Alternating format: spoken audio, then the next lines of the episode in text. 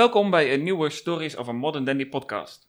Ik ben Ruud van der Meer en we gaan weer verder op mijn zoektocht naar het bestaan van duurzame kleding voor mannen. Eén essentiële vraag die eigenlijk gesteld zou moeten worden is of duurzame mode überhaupt wel bestaat. Daarover gaan we het in deze podcast hebben. Zo'n documentaire als The True Story zet natuurlijk aan tot denken, maar zoals het altijd vaak gaat met documentaires, is dat een en ander nog wel eens wordt aangedikt. Dus ik wil eigenlijk wel weten hoe slecht mode nou is. Hoe wordt mode geproduceerd en is duurzame mode wel zoveel beter? Daarom ga ik vandaag voor een wetenschappelijke onderbouwing in gesprek met Sandrine Nonnebel, universitair hoofddocent landbouw en voedselproductie bij Milieukunde aan de Rijksuniversiteit Groningen.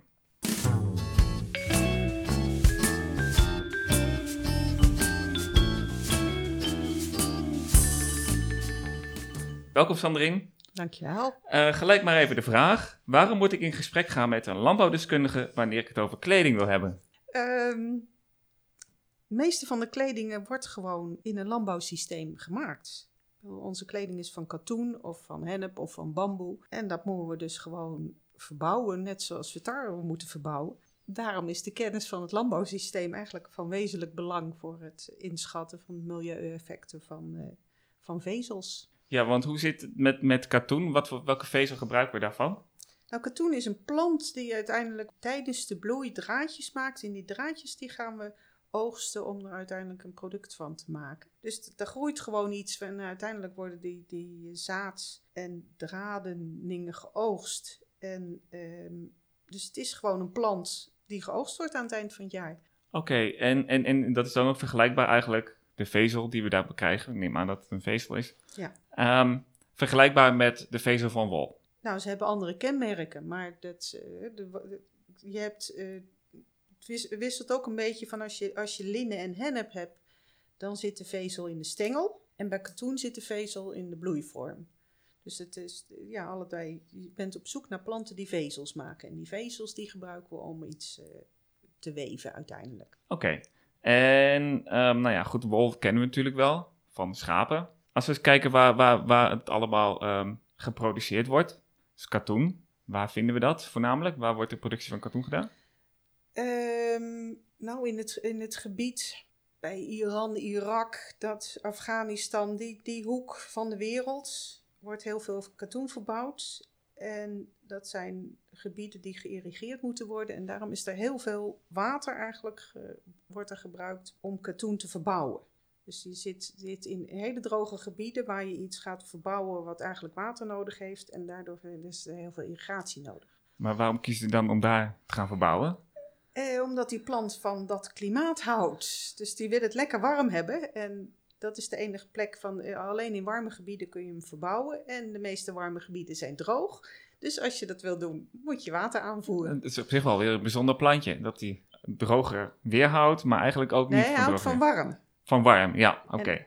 Dus de andere optie zou zijn om het in uh, de tropisch regenwoudgebieden te gaan verbouwen. In plaats van de droge uh, subtropische gebieden. Maar goed, dan zit je weer met ontbossing en, en ja, dus, dat probleem. Uh, is niet helemaal direct klaar. Maar dat, er zijn ook gebieden, in, in, volgens mij wordt het ook in de Verenigde Staten verbouwd. Maar ook, je hebt gewoon warm weer nodig. Warm en de meeste, meeste gebieden waar het warm is, zijn ook droog. Ja, en dat is ook in de Verenigde Staten is het ook ja, droog. Ja, ook de gebieden waar het daar verbouwd wordt, is ook droog. Oké. Okay. En, en, en, en de andere vezels die je net noemde, hennep en Nou, hennep linnen? en, en nou, hennep kan wel in, de, in, de, in onze gebieden. Hè. We kunnen, in Ja. eh, Oost-Groningen wordt ook vezelhennep verbouwd. Of is dat voor andere dingen? Maar, Nee, eh, dat is vezelhennep. En eh, je hebt een ander soort hennep nodig voor het roken. Oh, ja. Dus het zijn ja. twee verschillende planten. Ehm, als je de hennep, vezelhennep, die wordt drie meter hoog. En de, de hennep om te roken maar het liefst maar 50 centimeter. Dus als je een veld ziet met vezelhennep en denkt dat je daar blij van wordt, nou, dat, dan moet je echt wel om ongeveer stampot van eten, wil je daar eh, überhaupt enig effect van voelen. Dus dit, nou dit ja, werkt wie niet. weet. Eh, vezelhennep, dat is gewoon de oude eh, vezel die vroeger ook in, in, in West-Europa gebruikt wordt. Maar die zit in de stengels. En datzelfde geldt voor linnen, want dat komt van vlas. Daar wordt ook, vlas heb je dus, is een heel mooi gewasje. Maar we kennen het eigenlijk van vlaszaad wat in, in het brood zit. Maar je kunt het ook, dus de stengel gebruiken om vezels uit te krijgen. Maar dat is op, op zich nou een heel moeilijk proces om vezels uit eh, stengels te krijgen. Heb je behoorlijk chemicaliën voor nodig voor dat, om dat eh, mogelijk te maken. Oké, want dat trek je er niet, zo, niet zomaar uit. Nee, dat maar. zit gewoon in die stengel. Je moet dus al het groene om de stengel heen moet je de, zien kwijt te raken. En dan kun je de vezels overhouden. Die hebben ook wel bij brand. Je kunt ook nog wel brandnetels gebruiken als vezeldingen. Ja, Dus, interessant. dus, dus er zijn ook wel brandnetel t-shirts, geloof ik. Ja, daar ga ik vanuit dat we er niet aan, eh, aan prikken. Nee. Ehm, welke, welke stoffen hebben we, hebben we nog meer? Dan hebben we nu wol nou, van schapen en, en de andere ja, en, producten. en er is nog zijde. Zijde. En dat wordt gemaakt van, of, of niet gemaakt van een rups. Er is een rups die op een gegeven moment zichzelf gaat eh, verpoppen. En die maakt een, eh, ja, een pop van zichzelf, waardoor die later eh, vlinder wordt. En die pop, daar zitten ook vezels in. Dus het is een beetje van dat hij zichzelf inspint. Ja. En die vezels worden, kun je ook gebruiken om, ja, om, om van te weven. En die vlinder die vliegt hier ook in Nederland? Nee, volgens mij zit dat ook in, in het. Ja, ik ken het vooral van India en zo, dat soort eh, gebieden. En dat, dat wordt gewoon echt gekweekt als een grote bio-industrie waar ze die, die, al die rupsen poppen laten worden en dan al die poppen oogsten. Ja, en wat gebeurt er met vlinders? Die zijn echt wel dood. Die zijn daarna dood. Nee, ja, dus de pop wordt geoogst op het moment dat die eh, nou ja, daar klaar voor is. Maar er gaan echt geen poging doen om die vlinder daar nog uit te krijgen. Nee, want dat gaat dan... Gaat gewoon in grote bakken en wordt met- gekookt. Oké. En daar, daar, daar komen ook chemicaliën bij kijken? Ja, over het algemeen zijn het dus. Zit je met een vezel, is er niet voor een vezel, maar voor iets anders. Dus het zit ingepakt in iets anders. En dan eh, moet je dat andere eromheen zien weg te krijgen. Ja. En ehm, als we eens kijken naar de totale productiegrootte van, nou ja, van die stoffen, kun je misschien iets vertellen over hoe groot dat is? Ja, nou, de katoen is bij veruit de grootste. Want Ja. dat is echt een heel groot gebied. En eh, ja, vlas en hennep is echt heel klein. Er zijn maar zo nu en dan eh wel ervan. En ja, wol is. is ehm, kijk, alle, de wol die in Nederland van schapen afkomt, die wordt eigenlijk niet gebruikt. Oh? Waar, waar, waar gaat dat heen? Daar Ja, worden meestal ons- wordt gewoon weggegooid. Oké. Dat, dat is helemaal geen markt. Vroeger was dat een heel waardevol product. Eh, het is zo van als je nu schapen hebt, dus echt, je moet betalen om van je wol af te komen. Er is echt helemaal niemand die dit wil hebben. Dat is bijzonder. Dat, dan, nou, dan wordt het gewoon weggegooid of Ja, er gaat de ja. fik in. Ja, dat, dat is gewoon, daar is geen markt voor. Maar wa- waarom, waarom is dat dan niet zo geschikt dan, die wol hier in nou, ja, Nederland? is- we zijn het niet meer gaan gebruiken, want alles is inmiddels acryl en, en, en eh, vlies enzovoort. ja, het, het kriebelt te veel. Of, En Ja, maar goed, een vliestrui is ook gewoon honderd keer praktischer dan een wollen trui. Want een, een vliestrui kan gewassen worden.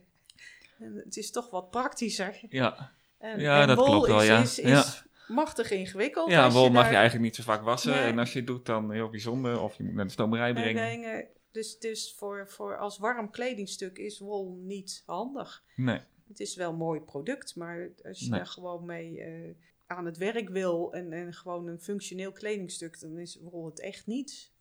Probeer er ook maar eens mee op een eh, kampeervakantie te gaan. Dan blijft je trui, je wollen trui, komt daar gewoon niet gelukkig uit. Oh nee. nee. Ja, dan, daarom zijn ze er bij vlies gekomen. Waar, waar wordt vlies van gemaakt? Ja, dat is dus eigenlijk olie gewoon. Van olie. De olie, ja. Een trui van olie. Wat belangrijk is, is dat je vees, dus draadjes nodig hebt waarmee je vervolgens iets kunt gaan weven. Mhm. En die draadjes kun je uit het natuurlijk systeem halen. En dan komt het uit, planta uit uit de, de, de hennep en de katoen en, en eh, de vlas. Je kunt het van een beest afhalen, dan is het gewoon de wol. Ja. En, en, en dat geldt ook voor zijde. En die, die synthetische dingen, daar gebruiken ze de ketens in de olie. Dus de, de- en die koppelen ze aan elkaar. Dat is een chemisch proces, maar de- dan maken ze dus kunstmatig ketens. Ja, want ik heb natuurlijk ook wel eens ehm, gezien dat mijn, mijn vlies, of tenminste een vliesdeken, van gerecycled PET was gemaakt. Ja, dat kan ook. Zo Ja. van, van, je kunt het plastic dus gewoon weer recyclen en dan heb je weer een vezel. En heb je een mooie ANWB-trui de trui van. van, Ja, ja. ja.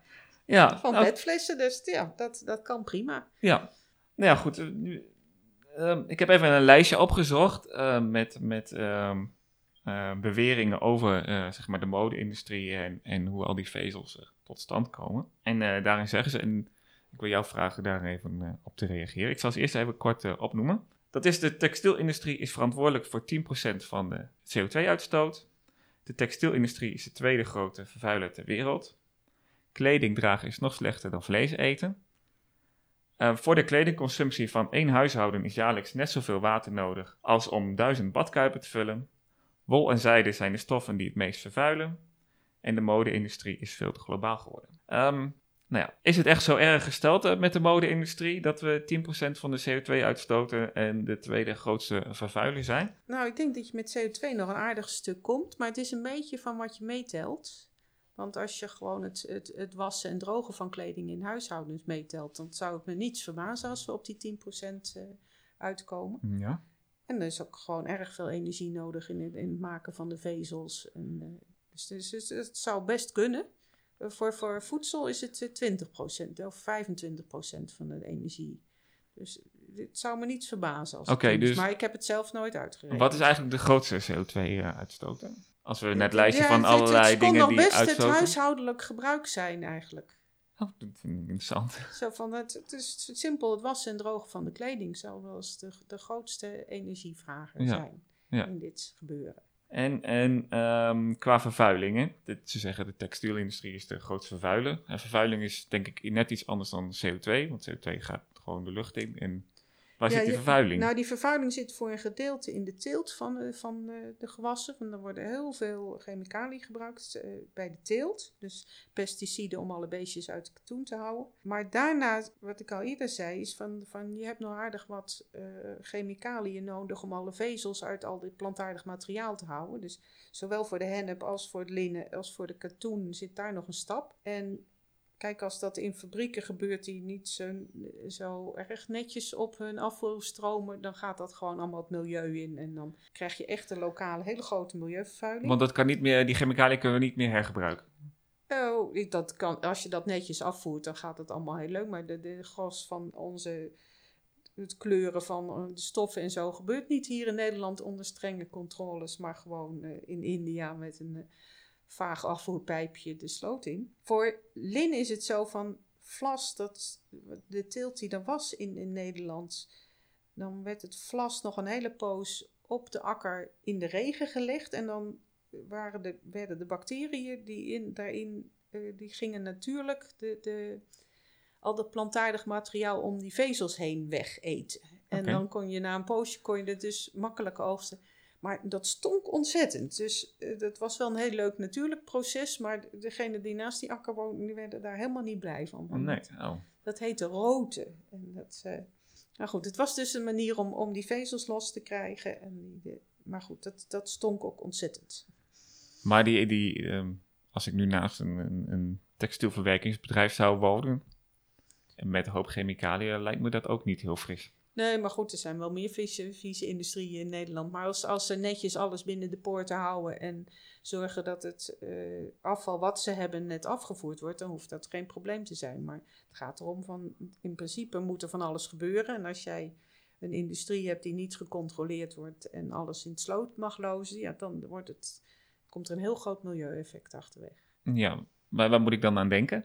Het milieueffect, dat is bodemverontreiniging. Ja, zo van, van ik denk dat alle slootjes waarin gewoon zonder meer geloosd wordt, die zijn echt wel dood. Ja, Dat- de, de, visjes overleven dat niet Nee, meer. dat is, eh, en je hebt allerlei, de- met het verven van, van stoffen, überhaupt, eh, nou, wie wel eens zelf iets geverfd heeft in, met een emmertje en dan kleur erbij en dan vergeten heeft handschoenen aan te trekken, die weet ook wel van dat het nog heel lang duurt voordat het blauw van je handen is. Oh, ja.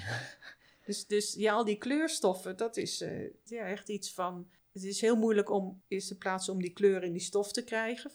En, en dan moet je het ook nog zien in te houden. Dus er, horen echt heel veel chemische processen bij voordat je een mooi blauw iets ge- gekregen hebt.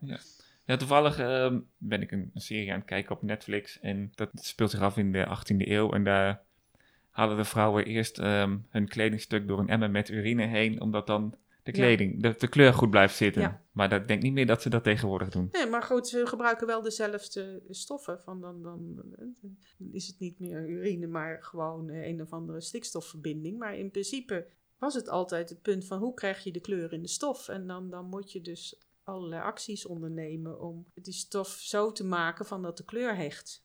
Ja. Want het heeft ook een hele poos geduurd voordat ze rood konden, uh, stof rood konden maken. Van het, ja, dat is gewoon heel ingewikkeld. Ja, want bietenrood, dat was je weer uit, zeg Ja, maar. dat is het punt van, van kleding wil je wassen. Dus als je mee eerst rood geverfd hebt en bij de volgende wasbeurt uh, zit al het rood in het uh, afvoerputje. Je wil die op de een of andere manier aan, dat, aan die vezel gehecht krijgen. Nou ja, dat is zo hogere scheikunde om dat voor elkaar te krijgen. Ja, want uh, we hebben het ook nog even over, nou ja, tijdens het wassen. Dan dat, hopelijk dat niet alle kleuren eruit spoelen. Hè, waar, waar, zit nou dat, dat watergebruik in, nou ja, in de kledingproductie? En ja, het gebruik, tijdens het gebruik lijkt me dat wel wel duidelijk, tijdens het wassen. Ja. Maar waar in de, in de productie? Ja, dat, dat valt op zich mee. De grootste zit in gewoon in de katoenteelt. Van, van dat je daar echt, echt ontzettend veel water voor nodig hebt. Maar dat geldt ook voor, gewoon voor voedsel. Want je hebt per dag pakweg 300 liter water nodig om je voedsel te maken. Of, of het voedsel wat Ja. jij op één dag opeet, daar is ooit 300 liter water voor nodig geweest. Dus En dat is dan gewoon regenwater, wat eigenlijk dan opgenomen wordt door die plant? Ja, dat is, dat is regenwater. En als je het verbouwt in een gebied waar geen regenwater is, dan is het irrigatiewater. Maar de, dus het grootste gedeelte van ons waterverbruik zit in de productie van ons voedsel. En niet in of wij de kraan dichtdraaien bij tandenpoetsen of zo. Nee, want ja, daar, daar, daar worden we natuurlijk vaak op gewezen van, ga je de kraan dicht? Dus Ja. wat- maar dat zit dus eigenlijk, nou, eigenlijk ingebakken in, Ja, het voedsel, onze voedselvoorziening vraagt de grootste hoeveelheid water. ja, nou ja, goed, en je kunt dan misschien ook de katoen en het vlas ook wel zien als een Ja, soort dat, voedsel. het want- is hetzelfde verhaal van, Ja. van je hebt een teelt en die plant moet water hebben om eh, groot te worden. Ja, ja, de plant heeft dorst. Ja. Eh, dus, maar die duizend badkuipen, dat, dat klopt ongeveer wel. Dat, ja, ik zou het niet, ik heb het niet aangegeven, maar het is veel. Dus Ja. hoeveel, hè, dat zal echt, Ja. echt grote hoeveelheden zijn. En in vergelijking met vlees eten, want ze zeggen hier van ehm, kleding dragen is slechter dan vlees eten. Ja, dat is een beetje van, van hoe ga je dit uitrekenen? Want als jij gewoon het hele jaar met één t-shirtje doet, dan is het de vraag van of het slechter is dan elke dag biefstuk. Dus hier gaat het in van, van wat is jouw kledingconsumptie? Van, bij voedsel weten we behoorlijk wat mensen eh, opeten per dag. Ja. Maar voor kleding, ja, je komt wel eens wat, wat overzichten tegen van het, eh, en, en headlines in de newspapers van eh, dat we over het algemeen onze kleding maar één dag dragen en het dan weggooien. Ja, Ja. als dat je ding is, als je elke week tien nieuwe t-shirts koopt, nou, dan heb je echt een heel groot milieubeslag. Ja, ik weet niet of je de documentaire kent, eh, waar ik het net over had, The True Cost. Ehm, nou, dat ging voornamelijk over fast fashion, zeg maar zoals we fast food hebben. Ja. Eh, fast fashion, dat we om de havenklap naar de Primark en de ja, H&M's gaan. Om, om iets te scoren. Ja, Ja, een t-shirtje van een paar euro. ja. Nou ja, Ja. dat, is dramatisch. Heel simpel. Het maken van vezels kost gewoon ontzettend veel grondstoffen. Dus als je die echt maar één of twee keer aan hebt, dat, dat is niet handig. Nee. En heb- en, eh, grondstof zeg je, hebben ze ook nog mest nodig? Ja, er moet ook mest op en er moet bestrijdingsmiddelen op. En er is energie nodig om dat heen en weer te transporteren. En je hebt er oppervlaktes nodig, grond nodig om, om het te verbouwen. Dus dat is, en dat is dezelfde grond die je voor voedsel nodig hebt. Dus dat gaat ook een beetje tegen elkaar inwerken. Ja, want eh, de, katoen wordt dan in Iran gemaakt. Misschien dat ze die grond ook wel willen gebouwen, verbouwen ja, voor hun eigen eh, kijk, voedsel. daar kan ook prima, gewoon op die grond kan prima voedsel gebouwd Ja. worden. Ja, een beetje dezelfde discussie natuurlijk met biobrandstoffen. Ja. Wat dan ook. Maar goed, met, kleding heb je dan nog een beetje, eh, bij biobrandstof heb je de discussie, doen we een PV of een bi- biobrandstof? Hè? Dus eh, eh, zonnepanelen of biobrandstof. hè. Maar hier zit een beetje, ja, wat is je alternatief? Want het gaat hier om, om doen we katoen of acryl? Ja, en acryl, dat is dan ook kunststof. Dat, dat is toch? kunststof. Ja. Ja. dat is synthetisch en dat is van olie. En daar hangt dus een beetje. Het is niet zonder meer te zeggen van dat een synthetisch nou beter of slechter is dan de, dan de natuurlijke. Nee. Nee, want waar, waar zou het verschil... Waar, waar- waarin is de ene beter dan de, dan de andere? Nou, voor, voor de synthetische heb je olie nodig om het te maken. Maar dan heb je al dat water en, en grondgebruik en de pesticiden niet nodig om wat je dus in de natuurlijke producten wel hebt. En acryl en, en die andere synthetische vezels zijn ook fors makkelijker in het onderhoud. Dus, dus ze kunnen wat vaker in de wasmachine en, en ze blijven ook langer goed. en Dus en die blijven ook langer goed inderdaad dan onze wollen trui. Ja, het is, dus als jij een vlies vergelijkt met een wollen trui, dan denk ik dat die wollen trui er heel beroerd afkomt in het milieuplaatje. Maar ik heb ook wel eens gehoord van eh, met wassen, daar komt heel veel, dat zijn die micro... Ja, dat, dat is het. de- de- de- microdeeltjes hè, die, vrij. die plastic soep is, is een ander verhaal van al die synthetische producten die, die laten nou, ja, vlokjes los, zeg maar. En ja, dat wordt wel de, dat is de plastic soep. En- Ja, maar dat gaat eh, met de, in het riool en dan, dat Ja. wordt er niet uitgezuiverd. Nee, ja, ik vermoed dat we uiteindelijk toch wasmachines gaan terechtkomen die dat wel netjes zuiveren. Van, dat er gewoon een extra filter komt om dit te vangen. Maar ja, het heet niet voor niets microplastics, dus ze zijn echt heel klein. Ja. Dus ook dat nieuwe apparaat, zeg maar, wat ze nu dan in de oceaan doen, dat is niet geschikt om wat Oh. van onze wassen afkomt. Nou, ik, Op te het- vangen. ja, het punt met die, die plastic soep is dat het echt hele kleine vezeltjes zijn. Hè? Zo gewoon, ja, als er petflesjes ergens drijven, nou ja, daar kan je, die kan je wel opvissen. Maar iets wat je met het oog niet kunt zien, daar gaat het dus om. Ja. Zo klein zijn Ja. ze. Van, dan heb je ook een ingewikkelde zeef nodig om Ja. dat allemaal op te Ja. vangen. Hè, dus eh, plastic, plastic kleren in ieder geval, van een kunstvezel gemaakte kleren. Nou, die zijn op zich slijtvast, maar als ze slijten dan, Ja, dat, ze slijten wel en al dat slijtsel is heel naar. ja, En bij eh, de, de wol en katoen, die slijten minstens zo erg. Maar die vezels, die, ja, die verteren gewoon. Dus die komen ook in het milieu terecht. Maar ja, die worden uiteindelijk door bacteriën opgegeten. daar hebben we niet zoveel last meer van. Nee, nee dat, dat is gewoon... eh, die, die, Het natuurlijk proces. Ja, het natuurlijk proces. Dat, eh, er zijn bacteriën die dat wel willen opeten. Ja, ja de, ehm, wol en zijde zijn de stoffen die het meest vervuilen. Ja, maar ja, dat is een beetje.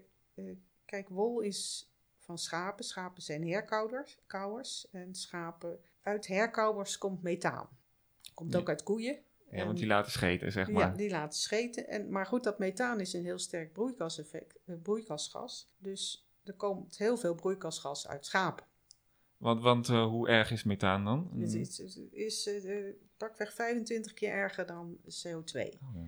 Dus het heeft echt zin om methaan af te vangen. Want Ja. het is, eh, dus ehm, er komt methaan uit schapen en dat komt omdat het herkauwers zijn. En als jij zegt van ik heb alleen mijn schapen om mijn wol te produceren, dan moet je dus al die methaan die uit dat schaap komt, dat hoort bij de wolproductie. Als je zegt ik heb schapen om vlees te maken en die wol gebruik ik als bijproduct, dan wordt het plaatje een beetje anders. Ja, dan heb je opeens duurzamere wol. Ja, dan heb je Ja. opeens nu. Maar goed, zo als je zit en ik heb er dus hele grote kuddes en die scheer ik en dat is voor, voor het maken van dekens en zo, nou dan, dan is het, het milieuplaatje niet heel positief. Nee, het valt eigenlijk een beetje tegen, moet Ja, ik zeggen. Ja, Hè, want ik heb een voorbeeld. Ik heb een, een, eh, een broek gekocht in Engeland afgelopen jaar. En gemaakt van Schotse wol.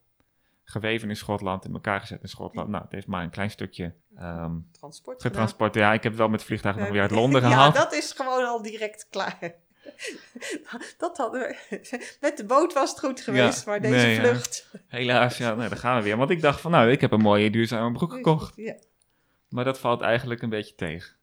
Als ik naar het verhaal van wol kijk. Ja, wol is, is niet zonder meer beter. Maar goed, je kunt zeggen van ik draag niet bij aan de plastic soep. En eh, dit is ook wel, eh, eh, het was vast geen broek van 25 euro. Dus dan ga je ook nog heel lang zul je die, die aan hebben. Dus de, Ja, ik was hem ook niet zo vaak. nee, dus, dus dat is een, een bijzonder kledingstuk waar je heel veel zorg aan besteedt. En dan gaat het dus ook heel lang mee. Dus Ja. het, ja dat, dat ene schaap, de, de wol van dat ene schaap wordt heel lang gebruikt. Nou ja, ik zei al van, ik heb het uit Engeland gehaald. Dus ik mag een beetje aangaan dat de arbeidsomstandigheden daar Ja. goed zijn. Nou, de meeste kleding wordt gemaakt, volgens mij in Bangladesh. Nou ja, in ieder geval de, de lage landen, Ja, uh, lage lonen landen. Ja. En het, eh, ja, dat, dat is mee. Bij, en wij hadden ooit een, eh, zelf een erg grote textielindustrie. De Tenkates en zo, dat waren de, hè, Enschede was een grote textielstad. Maar ja, er zit heel veel arbeid in en ja want daar is Ja. niks meer van over, daar is niks mij. meer van over. Dus dat, eh, maar goed, er, er is gewoon arbeid nodig voor het in, in elkaar zetten van kleding. En ja, die, die hele kledingindustrie die zwerft de re- wereld rond eigenlijk. Die, die landt op de plek waar de, de lonen het laagst zijn. En dan gaan ze daar een aantal jaar eh, van die kledingateliers eh, runnen. En op een gegeven moment komt de welvaart in zo'n land en dan gaan de lonen omhoog. En op dat moment eh, vertrekt die industrie weer naar het weer- volgende land waar het dan het Waar het weer goedkoopst is. Ja. Huh.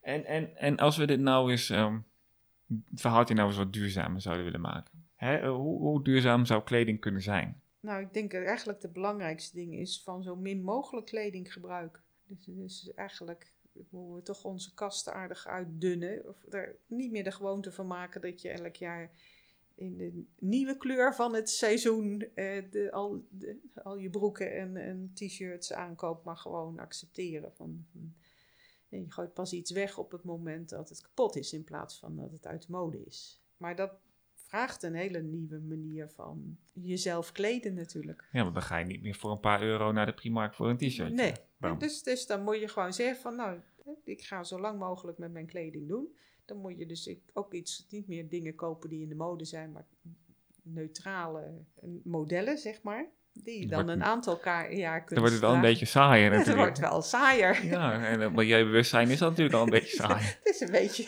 Maar goed, dat, dat is- ik denk wel, wel. Maar goed, je zou, er moet dan wel een move in de industrie van dat ze ander soort producten gaan. eh, Ja, want het Nee. natuurlijk wel bij de verantwoordelijkheid eigenlijk bij ons als gebruiker neer. Ja. Dus- Terwijl we eigenlijk zeggen van nou, ik heb liever een truitje van eco-katoen. Ja, maar goed, dus, dus die, die eco-katoen en gewoon katoen, nou, dat is- voor. Hè, eh, mensen zijn daarmee bezig. Ehm, en welke, keu- als je, u- welke keuze je ook maakt, het feit dat je een keuze maakt is interessant. Want dan het feit dat je zit van ik ga niet naar dat goedkoopste, maar ik ga naar iets met een andere kwaliteit. Mhm. Maar uiteindelijk moeten we naar van echt veel minder kleding kopen. Want Als je, ziet wat, er, eh, wat je je huis binnensleept aan de ene kant en wat je in de zak van Max of hoe de, al deze recyclebakken, wat je daar elk jaar weer doorschuift.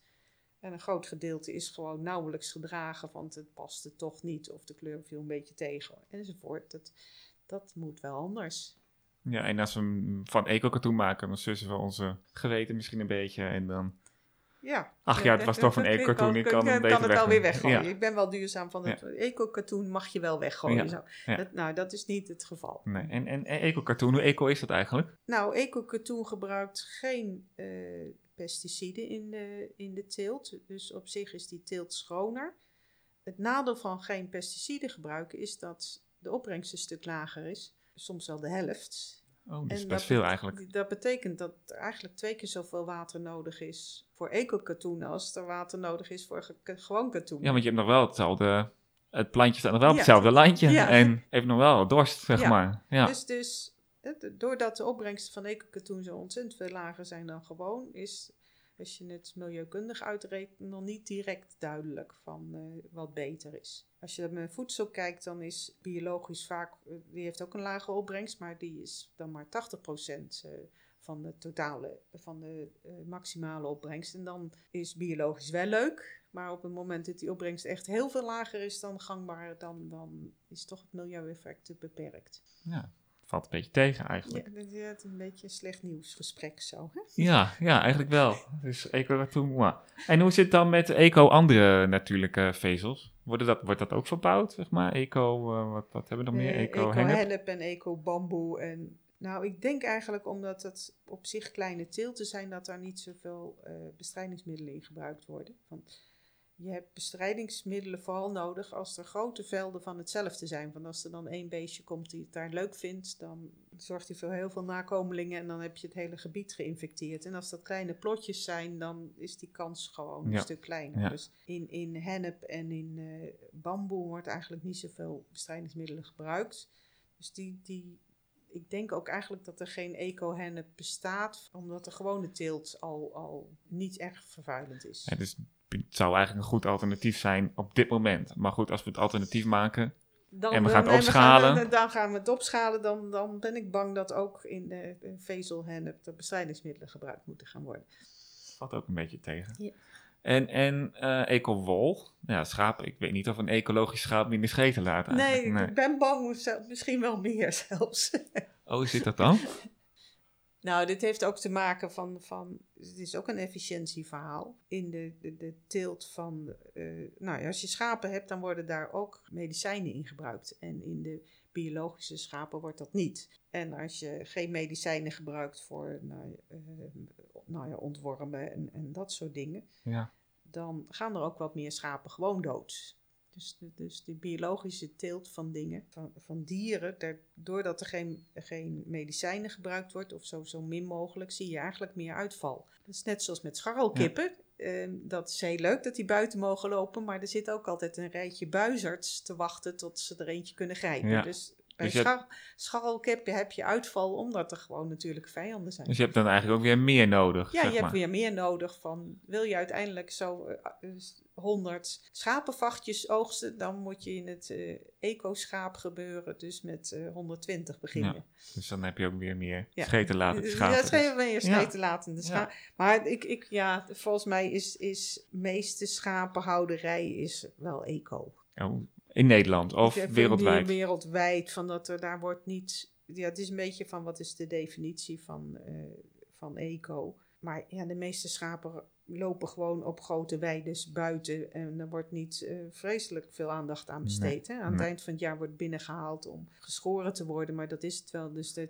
dat is toch iets anders van dat je beesten binnen hebt Ja. zitten allemaal op elkaar. Ja. En, En het kan ook wel diervriendelijk, want ik heb laatste tijd ook van die verhalen van, oh, wol, en die schapen worden daarvoor eh, nou ja, gemarteld tijdens het scheerproces. Ja, kijk, dat, dat, eh, dat kan je vriendelijk en minder vriendelijk doen. Van, en op het moment dat je duizenden schapen te scheren hebt, dan gaat dat wat. Ja, dan moeten die schapen wel een beetje meewerken als ze geschoren worden. Ja, dus er zal vast wel iets in de klem gezet worden. Maar ja, het meeste. Ja, er was ook een, een synthetische methode voor het eh, ontwollen van een schaap. En dan kregen ze een, een injectie. En dan gebeurde er iets met de productie van de wol. En die kwam dan, dan ontstond er een breuk in de draad eigenlijk. En dan konden ze gewoon eh, volgens mij na een aantal weken die schapenvacht gewoon zo los van die schapen aftrekken. Dus dan heb je eigenlijk de, wollen dekentjes al klaar liggen Ja, zo van, van het, er waren wel veel videootjes van. Ja. van. In Australië deden ze dat, dan kregen ze een inenting en een, en, ja, en een netje om, om, om het schaap heen, zodat die wol er niet eh, Nee, precies. in de komende tijd al afviel. Ja. En dan aan het eind dan konden ze gewoon al die netjes er. Ja. eh,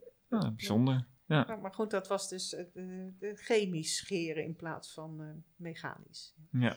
En, en ehm, zijn er nog alternatief, andere alternatieve stoffen die we ecologisch zouden kunnen gebruiken? Stel, we willen wel ecologische bio of een, een, een, natuurlijke vezel hebben. We willen niet olieindustrie eh sponsoren. Nou, goed, die, die bamboe is op zich nog wel interessant. We zouden gewoon nog wel eens even gaan kunnen zoeken naar een nieuw gewas. Wat, want je moet dus een gewas hebben wat vezels eh, kan leveren. Ja. misschien dat die brandnetel ook nog wel eens iets Ja. is. Maar het Ja. gaat dus ook allemaal om van, het kan allemaal wel, maar niet zo goedkoop als eh, katoen uit Nee. eh, Iran. Dat Nee. is, Nee, en, en over vezels, hè, de, we maken papier ook van vezels, van houtvezels. Kunnen we ook kleding van hout maken? Ja, dat denk ik wel.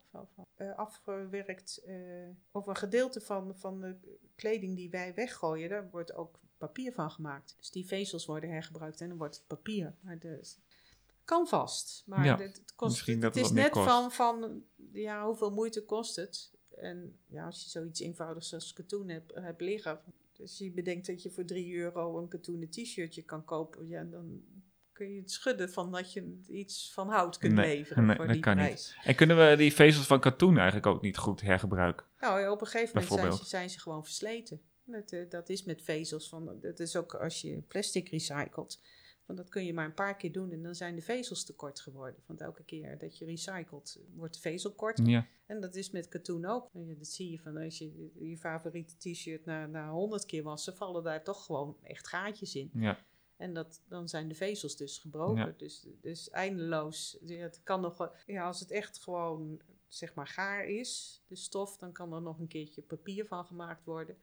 En dan is het wel zo'n is beetje het klaar. klaar. ja. Eh, En dan kun je dat papier ook niet meer weer Nee, herrecyclen d- ja, tot goed, papier. uiteindelijk kan het dan nog een keertje karton worden of Oh, iets ja, dergelijks. Maar ja, dat houdt wel een keer Nee, op. Maar nee, die- je kan er komt- niet, niet echt gewoon weer een, goed, vaak een goed kwalitatief product van nee, maken. nee, want die, die vezels zijn gewoon versleten. Of je zou het helemaal chemisch eh, helemaal kapot moeten maken en daar weer Ja, maar Ja. dan, het gaat erom van dat die, die, die lengte van die vezels is gewoon de maat van de kwaliteit. Ja. Elke activiteit die je doet, breekt die vezel. Ja. Uiteindelijk zijn dat gewoon nog maar snippertjes en dan, eh, ja. Dan kun je er niks Dus mee. dan is het niet meer, is het gewoon geen vezel meer. Ja, je kan het nog in de, in de hand steken en er dan energie uitwinnen, maar dat is dan het laatste verhaal. Ja.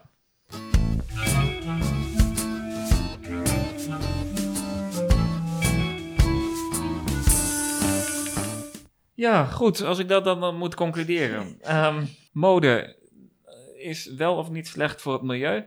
Ja, ik, ik ben bang van wel. Van mode leidt ertoe dat je kleren weggooit die nog wel goed zijn als kledingstuk, eh, maar hij is niet meer in de mode. Ja, Ja, dat, dat is wel ja, op zich beroerd. Zo van Ja. het idee van dat je je kleding dus weggooit omdat het niet meer in de mode is. Ja, dat is, en dat is voor veel mensen is dat zo. Van, van ja, dit, deze kleur is het niet meer of, of de, de, de pasvorm is veranderd. Mode is dus een reden waarom wij dingen weggooien. Ja. Ja, en helaas, eh, dat bijt behoorlijk met het terugdringen van milieueffecten. Dus als we eigenlijk, jouw conclusie is, ehm, of jouw boodschap is eigenlijk van, als je mode-industrie duurzamer wil maken, kijk dan vooral naar je eigen gebruik en koop niet zoveel kleding. Nou, maar je, je zegt mode-industrie duurzamer. Maar de mode-industrie moet dan gewoon van het idee af dat er elk jaar iets nieuws moet. Ja, Maar dan moet het dus een kledingsindustrie worden die producten gaat leveren die lang meegaan. Ja. Waar dus ook een, een veel hogere prijs voor gevraagd kan worden. Zo als jij één keer per jaar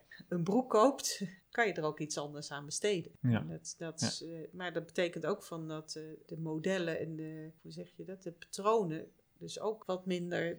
Ja, die, die broek moet gewoon altijd hetzelfde pasvorm Ja, hebben. Er ja. moeten niet zes verschillende soorten van Nee. zijn die in het ene jaar absoluut niet kunnen en het volgende jaar allemaal wel. dus eigenlijk concluderend, eh, we kunnen natuurlijk wel in het hele productieproces de boel gaan zitten fine-tunen en wat aanpassen. Maar dat komt eigenlijk op ons gebruik en op het aanbod Ja. van de kleding Je aan. moet er naar een ander soort gebruik en een ander soort aanbod Ja. komen. Ja, dat vind ik een eh, zeer interessante conclusie. Dus niet zo snel kleren, nieuwe kleren kopen. En denkt u een beetje aan ehm, of, dat, eh, of dat lang mee kan gaan, ja of nee. Ehm Sandrine, eh, hartelijk dank voor je kennis dat je die met ons wilde delen op dit interessante onderwerp. Graag gedaan. Eh, ik heb er weer wat meer geleerd. Ik neem het mee in mijn verdere zoektocht naar duurzame herenkleding. En voor de luisteraar wil ik, ook, die wil ik ook bedanken voor het luisteren naar deze aflevering van Stories over Modern Dandy podcast. Binnenkort weer een nieuwe aflevering.